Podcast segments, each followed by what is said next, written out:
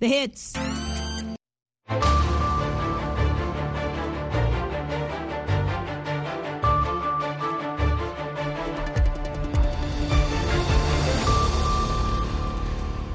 halkani waa washington laantaafka soomaaliga idaacadda v o a oo aad ka dhagaysanaysaan mawjadaha gaagaaban efmiyada geeska afrika iyo caalamkao dhan oo aad nagala socotaan v o a somaly com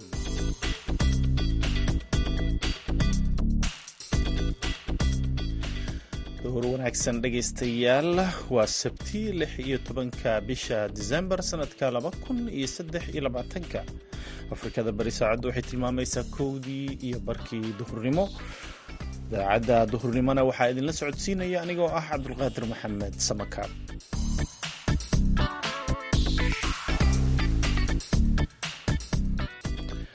qodobada aad ku dhagaysan doontaan idaacaddeenna duhurnimo waxaa ka mid ah barnaamijkii sooyaalka barnaamijkii madasha oo dhallinyarada oo toddobaadkan aan ku eegi doono dhibaatooyinka qoyska iyo xalinta khilaafaadka. Oo lala taliyo qofka ka hor intuuna qaadan go'aan qoys burburoo kale ah inuu insha alla qoyskiisiisuuna burburin lala taliyo. Mayana intuuna tallaabo isbeddel noloshiisa uuna kula kicin lala taliyo kaalmihii heesaha iyo ciyaarihii ayaad sidoo kale maqli doontaan balse intaasoo dhan waxaa ka horreeya warkii dunida.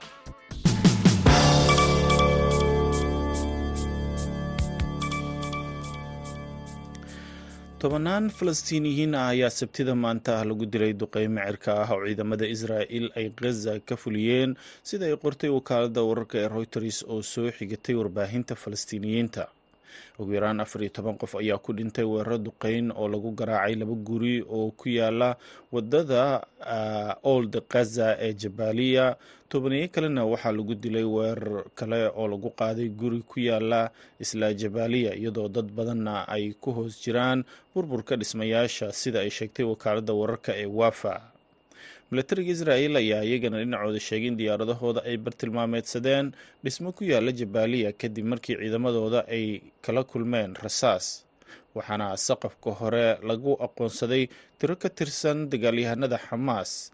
Ma cadda in dhismaha uu ka mid yahay kuwa wakaaladda waafa ay sheegtay in la duqeeyey milatariga ayaa intaa ku daray in ciidamadoodu ay dileen maleeshiyaad ku go-doonsanaa laba iskuul oo ku yaalla magaalada khaza waxayna weerareen guryo ku yaalla khanyonis oo ay ka buuxaan hub iyagoo dhinaca kalena soo bandhigay waxa ay ku tilmaameen kaabayaal dhaqaale oo isticmaalayeen xoogaga xamaas laakiin wakaaladda wararka ee reuters ayaa sheegtay in warkaasi aysan si madax bannaan u xaqiijin karin. Weerarkan ayaa imaanaya kadib markii maraykanka uu ku booriyey israa'il inay yarayso ololaheeda milatari taas beddelkeedana ay beegsato hogaamiyaasha xamaas oo dagaalka ay kula jiraan. Laakiin dadaalada washington ay ku doonayso in la hakiyo dagaalka ayaa waxaa ku gacan seeray. Hogaamiyaasha israa'il oo ku adkeysanaya go'aankooda ah inay sii wadayaan dagaalka ilaa ay ka burburinayaan kooxda xamaas milatariga suudan ayaa xoojiyey iskudaygooda ay kaga hortegayaan weerarada ay xoogaga r s f ilaa iyo shalay ku soo qaadayaan meel u dhow magaalada waad madani oo ah magaalo weyn oo gabaad ay ka dhigteen dadka ka barakacay dagaalada ka socda suudan iskahorimadyada ka dhacay deegaanka oo qiyaastii boqol iyo toddobaatan kilomitir koonfur bari kaga beegan magaalada khartuum ayaa laga cabsi qabaa inay weji kale u furaan. Colaadda ay ku barakaceen ku dhowaad toddoba milyan oo qof in ka badan labaiyo toban kun oo qofna la sheegay inay ku dhinteen. Islamarkaana horseeday burbur mawjado iyo dilil ku salaysan xagga isirka oo ka dhacay gobolka darfuur in dagaalka uu ku fido agagaarka waad madani ee ah gobolka aljasiira oo ah xudunta howlaha gargaarka bini-aadinimo ayaa sababi kara barakaca hor leh oo ballaaran iyo inay sii kororto masiibada bini-aadanimo ee qaramada midoobey ay ka digayso islamarkaana ay dhacaan xaalado macluul oo kale oo ka jira goobaha ay sida tooska u saameeyeen dagaalada qaramada midoobe ayaa sheegtay in dhammaan howlihii samafalka ee ka socday gobolka aljazeera oo ah gobol muhiim u ah oo beeraley ah la hakiyey ilaa amar dambe dagaalka u dhexeeya taliyaha ciidamada suudaan cabdifataax burhaan iyo maleeshiyada taabacsan ku-xigeenkiisii hore ee saaxiibada dhow ay ahaayeen ee maxamed xamdaan daalo xameyti ayaa galaaftay nolosha in ka badan labaiyo toban kun oo qof sida lagu sheegay qiyaas ka soo baxday barnaamijka xogta ururinta goobaha colaadaha hubaysan dhegeystayaal warkeennii dunidana waana geynta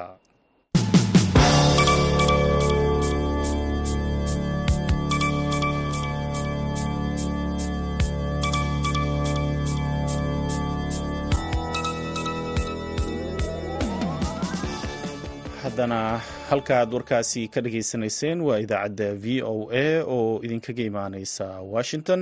Haddana dhegeystayaal waxaad ku soo dhowaataan barnaamijkii sooyaalka dhaqanka oo xilidan oo kale aad dhegeysataan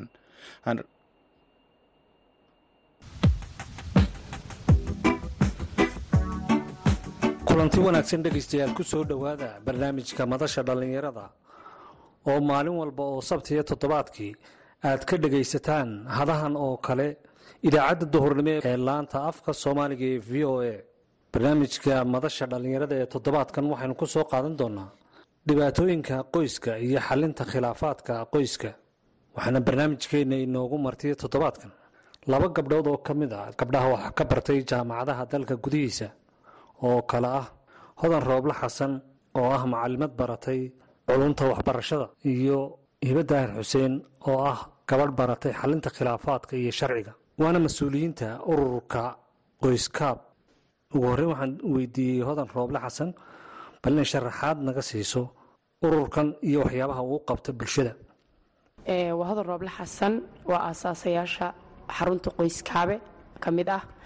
Xarunta qoyskaabe horta waxaa loo aasaasay ama loo sameeyey ujeedooyinka ugu waaweyn waxa weeyaan markii la arkay dhibaatooyinka fara badan ee bulshadeena haysata hadday tahay qoysas fara badan oo tafaraaruq dhex yaallo hadday tahay dhallinyaro fara badan oo dhibaatooyinka iyo caqabadaha nolosha aan la tacaalayn soo wajahda oo isdilaya oo tahriibaya haddii ay tahay qoysas fara badan oo dhaqaale la'aan iyo ay soo darsayso inay noloshii ka dhaceen.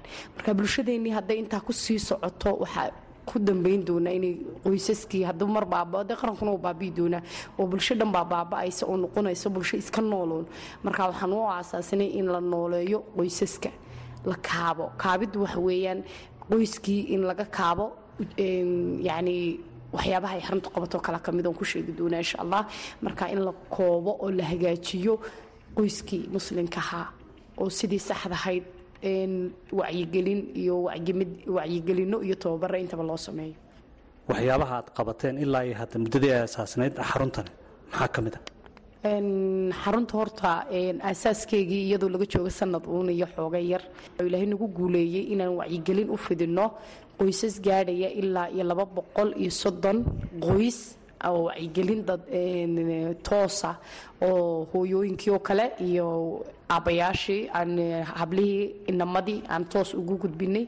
Sidoo kale ilaa iyo afar iskuul oo iskuullada boorama ka howlgala dugsiyada sare weliba aan samaynay tababaro dhallinyarta waxaan markaa tababarada aan ugu sameynaynay yani tababaro fahansiin ah horta qoysku muxuu yahay ayaa ilaa iminka noo soo hirgalay noona fiicnaaday. Tababaro gaara oo hooyooyin gaara ayaa sidoo kale noogu hirgalay ilaa shan iyo toban dumar ah oo si khaasa oo hooyooyinha oo aan tayeynaynay ayaanu markaa u tababar u samaynay sida dhaqaala samaynta waxyaabaha xanuunada kala gudbaa sidoo kale waxaan u samaynay yani qoyskooga iyo ciyaalka tarbiyeyntooda ama siday u ilaalinayaan. Marka maasha allah guuluhu way iska farabadayin wayna isdaba socdaan. Insha allah weli weli kowma joogna laakiin waxaan is leeyahay xaruntu waxay samaysay weli laba ilaa saddex beersantii. Hawshii ay ugu talagashay inay qabato. Waxyaabaha is leedihiin nolosha qoysaska waad ka bedeli kartaan xaruntiinan qoyskaabe. Marka aad talo iyo tababaro iyo waxyaaba noocaas aad siisaan maxaa ka mid a xarunta koleyba horta waxay u joogtaa afar qodob oo waaweyn. Ayay insha allah bulshadaan rajaynaynaa inay ka bedesho ama ay ka qabato. Xarunta kow waxay u joogtaa inay bixiso tababaro tababarada ay u bixin doonto afar geesood ama afar dhan ay u bixin doonto. Oo u bixin doonto waalid dhallinyar iyo ay u bixin doonto yacni bulshada rool moodhoolkeega ama dadka ka howlgala bulshada ee cadcad. Oo markaa aanan kale lahayn mansab aanan kale lahayn magac laakiin la rabo inuu qof walba ka qayb qaato si bulshadii bedel ay saxa u yeelato. Waxay samaysaa la talin taasoo ah dadkii ay soo wajahaan caqabado weliba siiba dhallinyarta.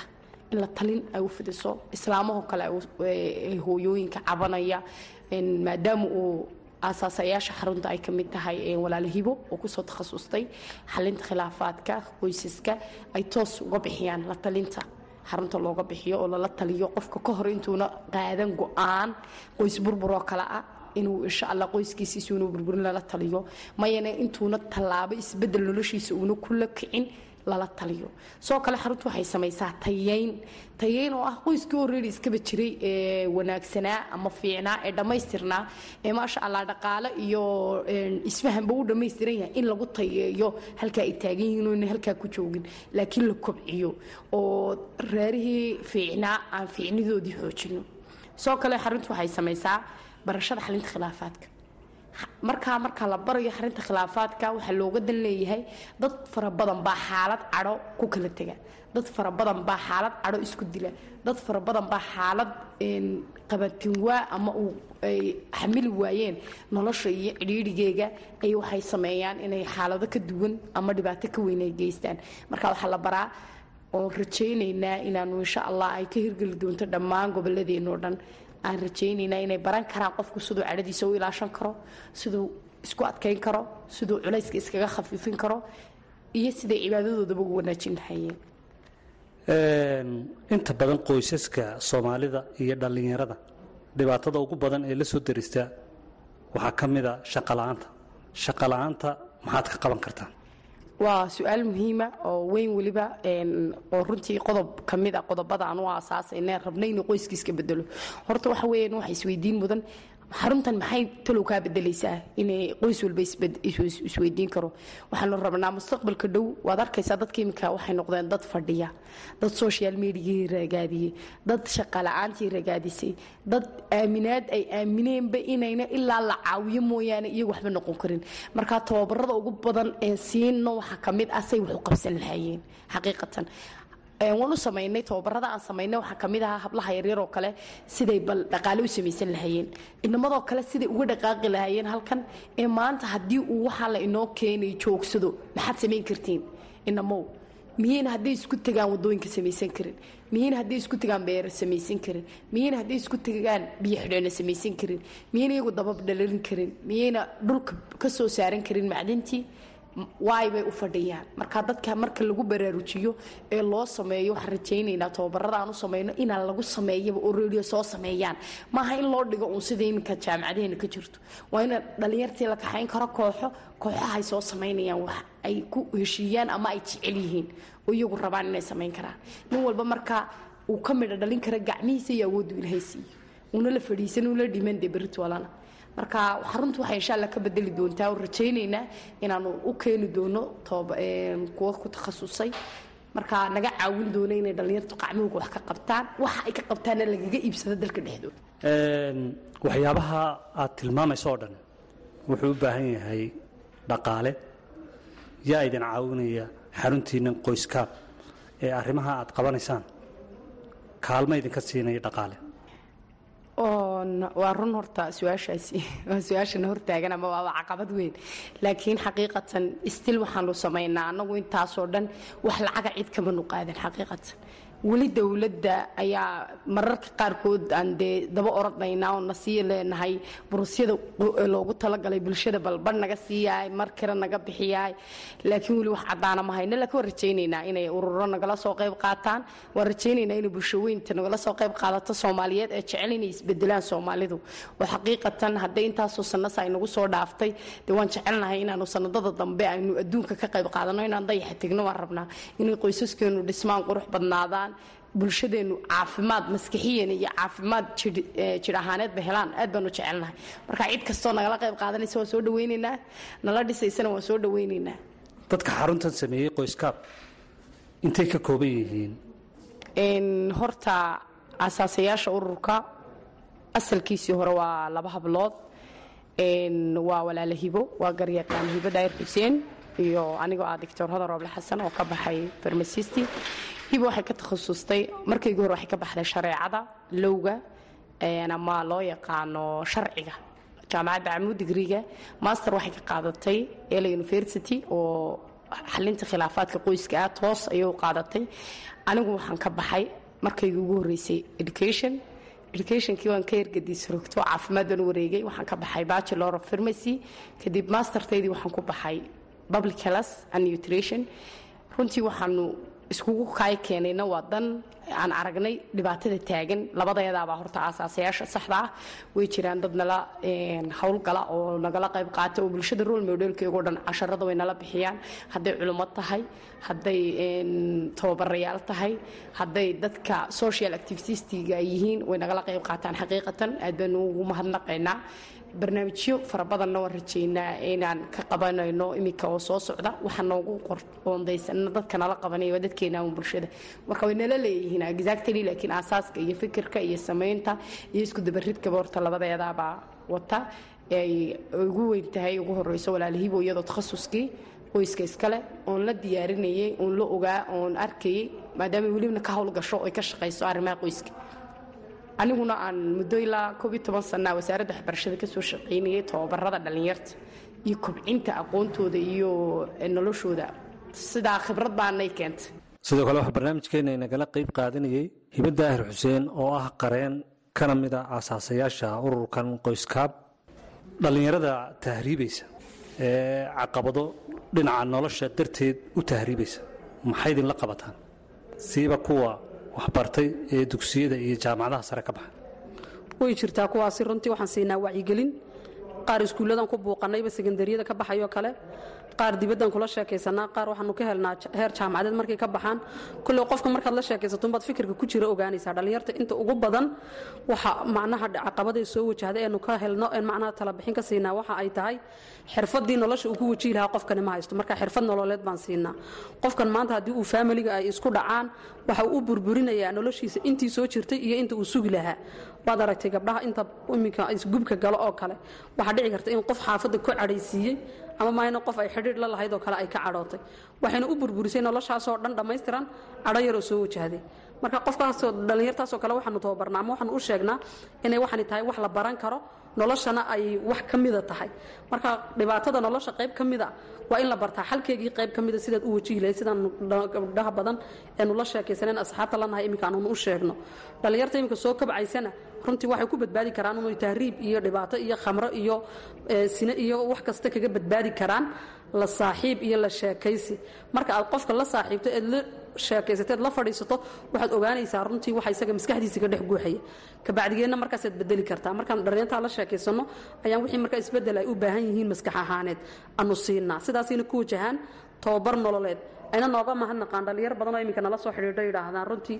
Anagu in badan oon tala siinay ma xasuusan karno laakiin waxay dhahdaan fikir nuucaasaad siisay dabeedna waan ku guulaystay. Alxamdulilah dhibaatooyinkaasi aada la kulantaan ma diiwaangelisaan faylka ma idinku jira. Kolley waa la diiwaangeliyaa. Caqabadaha ugu badan ee noloshuna waa wax soo noqnoqda. Un kolley maalin walba mashaakil cusubnimo soo wajaho laakiin wixii unbaa soo noqnoqda. Wixii maanta dhacay unbaa beri soo noqda. Sababta u soo noqnoqonaya waxa weeyaan in macnaha wixii maanta dhacay ana laga daba tegin ama maxay ku dhacday ana laisweydiinin kolley runtii waan diiwaangelinaa. Wax cusubna maaha waa wax soo noqnoqonaya daas way diiwaangelin badan ayna u baahnayn laakiin ay u baahan tahay uun ka mushkiladan soo noqnoqonaysa. Maxaa lagaga hortagi karaa inaan la nimaadno haddaan su'aashaa ku sii darno waynoo diiwaangashay caqabadaha ugu badan.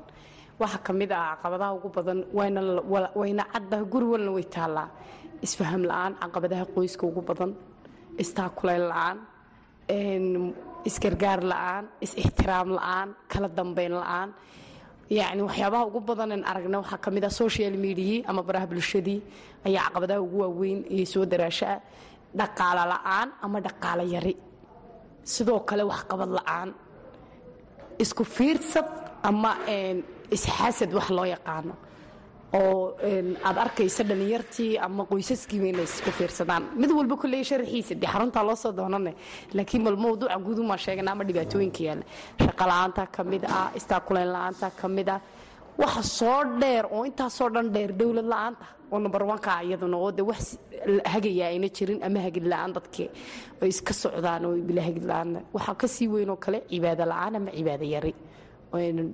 Xaqiiqatan bulshadeenna iyo qoysaskeena waxaan ku aragnay oon diiwaangelinay in cibaado yari badan ay soo wajahdo dhalinyaro fara badan oon caawinay sidii walaala ka dhawaajisay dhowr inan ayaa jiray oo ay wiilka yaraaye noo soo mahadnaqayay ka mid ahaayeen oo yani doonaya inay tahriibaan ama ay ka tegaan dhulkan.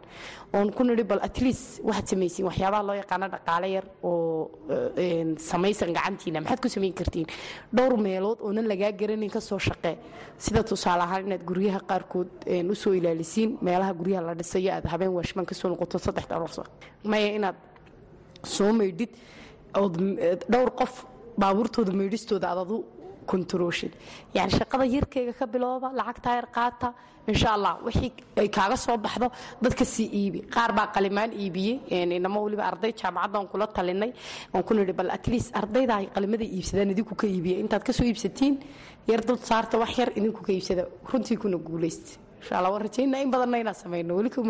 intaas waxaynu ku soo gunaanadaynaa kuna soo gabagabaynaynaa barnaamijkeennii madasha dhallinyarada ee toddobaadkan. Oo aynu ku qaadanay khilaafaadka qoyska iyo xalintiisa. Waxaana barnaamijka inoogu marti ahaa oo inagala qayb qaadanayey hodan rooble xasan oo ah macalimad baratay culunta waxbarashada iyo hibo daahir xuseen oo ah gabadh baratay xalinta khilaafaadka iyo sharciga. Barnaamijkan waxaa idinka soo diyaariyey magaalada boorama anigoo ah haashim sheekh cumar good. Tan iyo kulantideenna dambe dhegaystayaal waxaan idinkaga tegayaa sidaas iyo nabadgelyo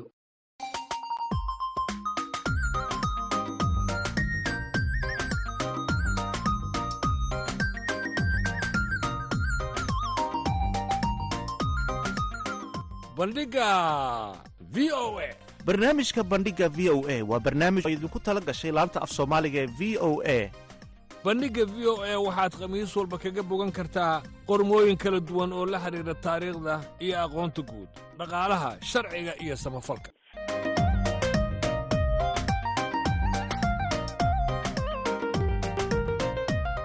Haddii aad rabto inaad wax ka ogaato taariikhda dunida iyo aqoonta guud ha moogaan bandhigga v o a.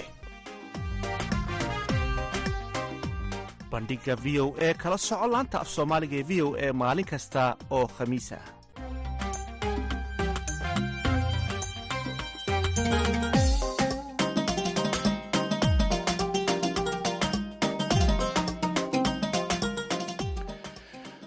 wanaagsan. Mar kale dhegaystayaal weli waxaad nagala socotaan idaacadda v o a. Markana haddii aan fiirino dhinacii ciyaaraha sida caadiga ah sabtida maanta oo kale waxaa la ciyaaraa kulamada qaar ka mid a horyaalada ugu waaweyn ee kooxaha kubadda cagta ee qaaradda yurub.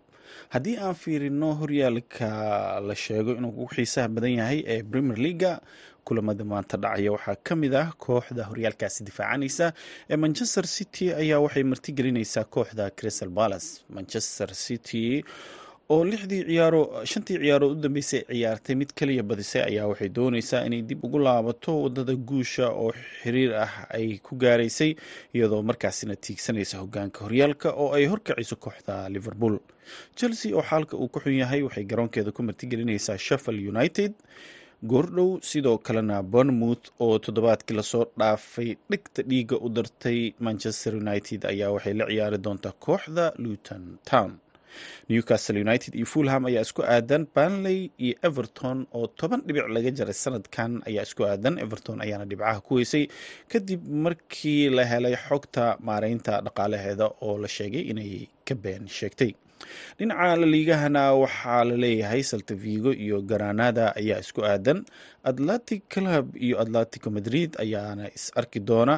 Sevilla iyo khetaf ayaa is arki doona laakiin ciyaarta u dambeysa horyaalka laliiga kulamada caawa dhacaya waxay u dhexeysaa kooxaha valencia iyo barcelona. Dhinaca horyaalka sircagana waxaa kulamada dhacaya ka mid ah lecha iyo weliba kooxda kale ee rosinowa waxaa kaloo ciyaari doona napoli iyo calyary torino iyo empoli ayaana isku aadan. Horyaalka dalka talyaaniga kulan ka tirsan ayaa shalay la ciyaaray kaas oo u dhexeeyay kooxaha yuventus iyo genoa kulankan oo ahaa mid adag ayaana waxaa markaasi uu ku soo dhammaaday hal iyo hal. Yuventus oo fursad u haysatay inay hogaanka qabato ayaana waxaa markaasi ay khasaarisay ama taako u dhigtay kooxda genoa. Horyaalka laliigana hal kulan ayaa la ciyaaray osusuna oo gurigeeda joogta ayaa waxay hal iyo eber oga badisay kooxda kale ee rayo volcano laakiin kooxda tottenham ee kubadda cagta ayaa xalay guul ku soo gaartay markii ay booqatay kooxda nottingham forest. Laba iyo eber ayay ku badisay iyadoo weliba kooxda tottenham marti ahayd waxaana calaamada casaanka ah ka qaatay ciyaaryahankooda bizuma oo ka mid ah kuwa qadka dhexe ee sida weyn ay ugu dhaartaan dhammaan natiijooyinka iyo weliba sheekooyinka ka dhex dhasha kulankan kulamada horyaaladan kulamada la ciyaaraya horyaaladan idaacadaheenna ayaad ku dhegeysan doontaan. Haddana waxaad ku soo dhowaataan kaalmihii heesaa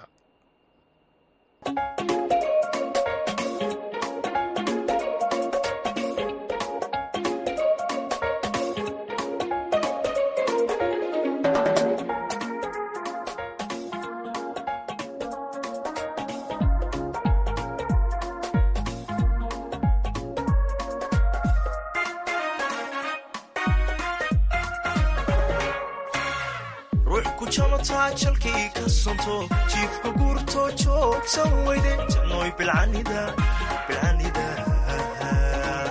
bilcanida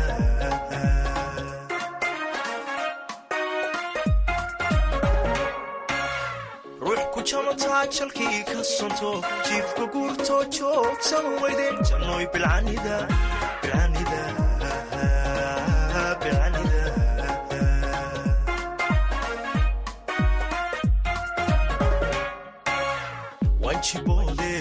juuqsaliida jiidhacoodee jalaqsan samida oo jalbeeb wacanjaar la iida wanjiboodee juuqsaliida jiidhacoodee jalaqsan samida oo jalbeeb wacanjaar la iida jah qurxoon iyo jamaal saliida joog dhammaysiyo jawharata samida oo jallecada soo jiidan ogida ujallecada soo jiidan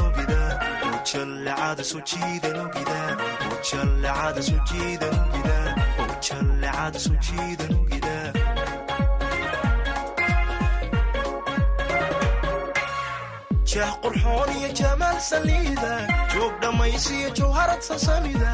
Ujallecada soo jiidan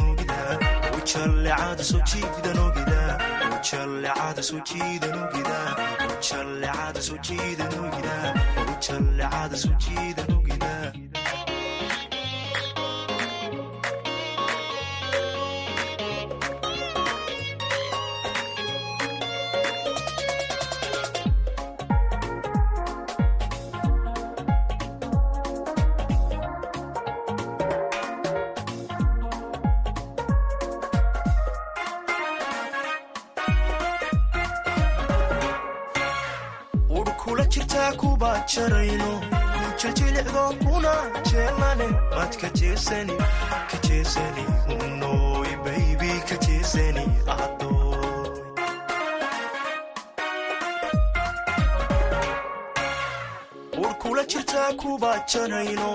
jiljilicdo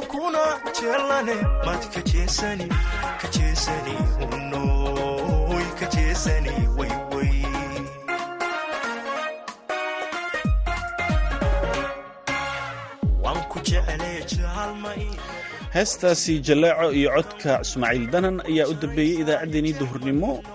Tan iyo idaacaddeenna galabnimo waxaanu idinkaga tegaynaa nabadgelyo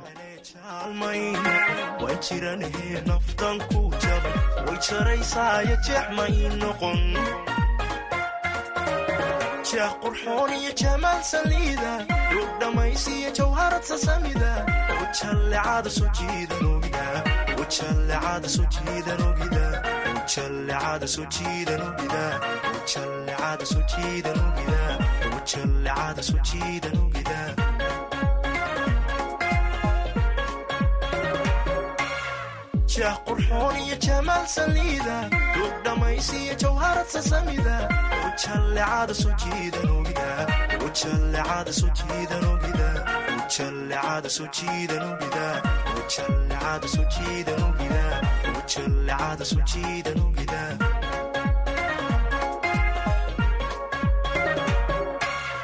jeex qurxoon iyo jamaal saliida duug dhammaysiyo jawharad sasamida ujallecada soo